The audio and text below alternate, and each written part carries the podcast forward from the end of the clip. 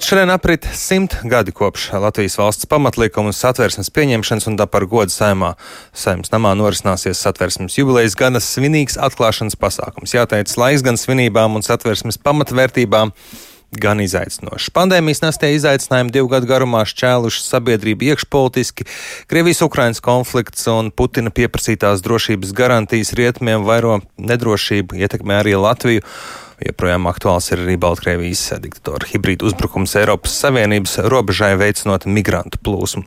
Šobrīd esmu sazinājies saimnes priekšsētāju Ināru Mūrnieci. Labrīt! Labrīt! Ar kādām sajūtām sagaidāt valsts pamatlikumu simts gadus? Vispirms jāteic simts gadi Latvijas satversmei, un šogad svinam arī Latvijas parlamenta simts gadi. Tas ir ļoti būtisks notikums mūsu vēsturē. Un mēs varam vēlreiz un vēlreiz pārliecināties, ka satversme ir lakonisks dokuments, bet arī ļoti ietilpīgs dokuments.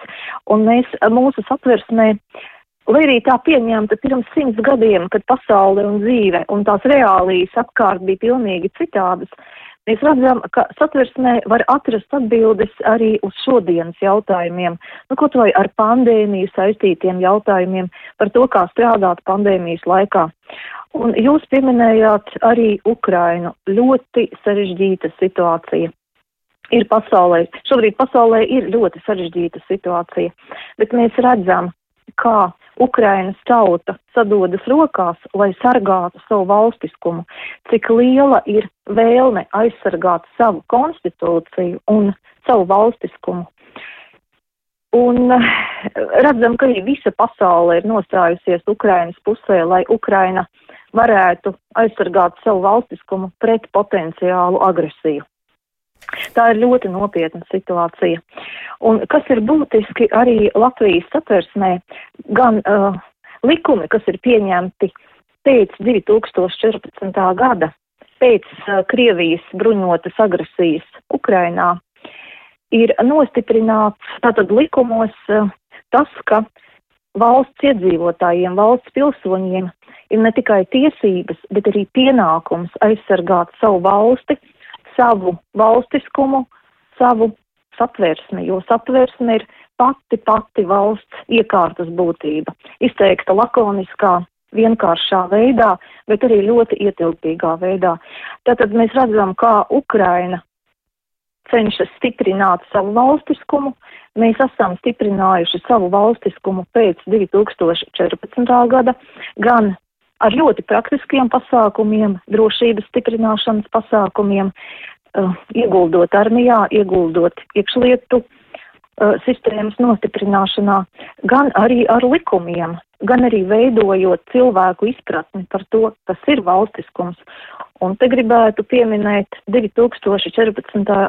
gadā saimas pieņemto satversmes preambulu, kurā ir ļoti skaidri pateikts, kas mēs esam, un un nostiprinātas un vēlreiz skaidri pateiktas tās vērtības, kurām, kuras ir izturējušas laika pārbaudi un kuras es, es esmu pārliecināta arī izturēs laika pārbaudi.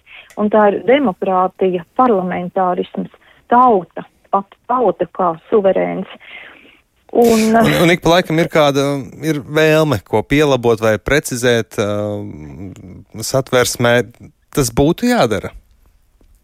Es teiktu, ka kopš 1922. gada, uh, kad satversme stājās spēkā, ir kopumā izdarīti labojumi satversmē 15 reizes, un pamatā tie vairāk ir saistīti ar tādiem uh, konstitucionāla rakstura termiņiem vai procedūrām, izņemot uh, Gribu pieminēt 98. gadā pieņemto cilvēktiesību sadaļu, 8.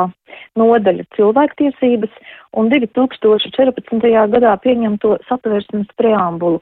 Ja, ja mēs redzam, ka satversme ir tik nu, pilnīga, tad ir uh, vēlreiz un vēlreiz jāpārdomā šīs idejas, kas das, dažkārt sabiedrībā izskan par satvērsmes atvērš, atvēršanu un grozīšanu. Jā, tas ir iespējams, tikai tam ir jābūt ļoti, ļoti izsvērtam un pamatotam lēmumam.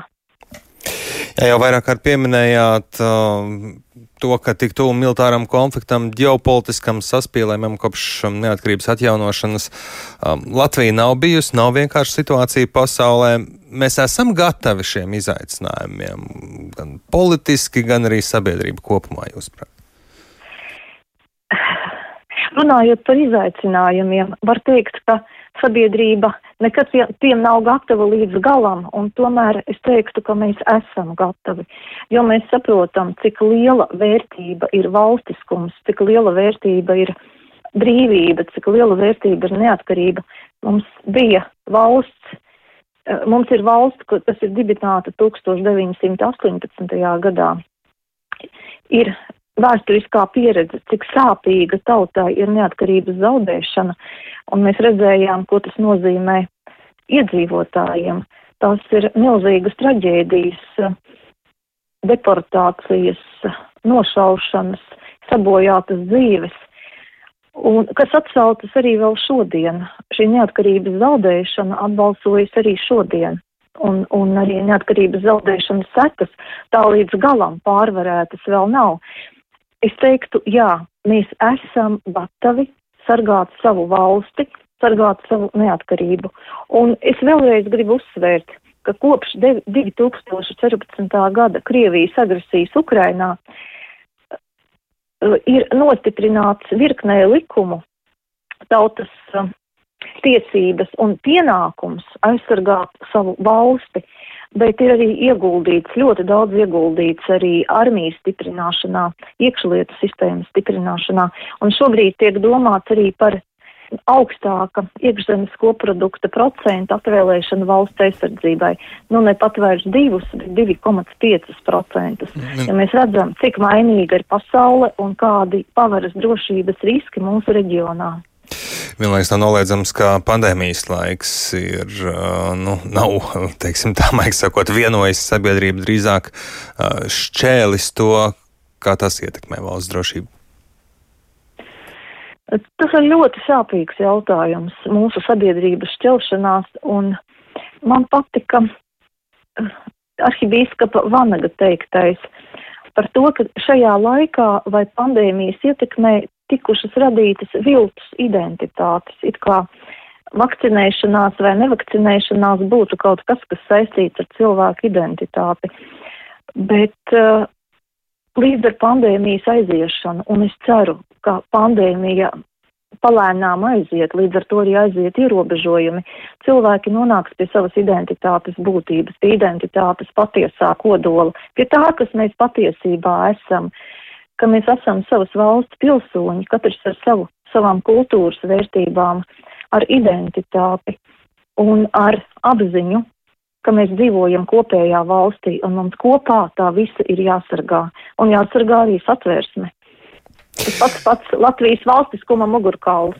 Un noslēdzot mūsu sarunu, varbūt tāda praktiskāka lieta, no, protams, ka saimā iespējams drīz varētu nonākt plāni iespējamo Ukrainas bēgļu uzņemšanai.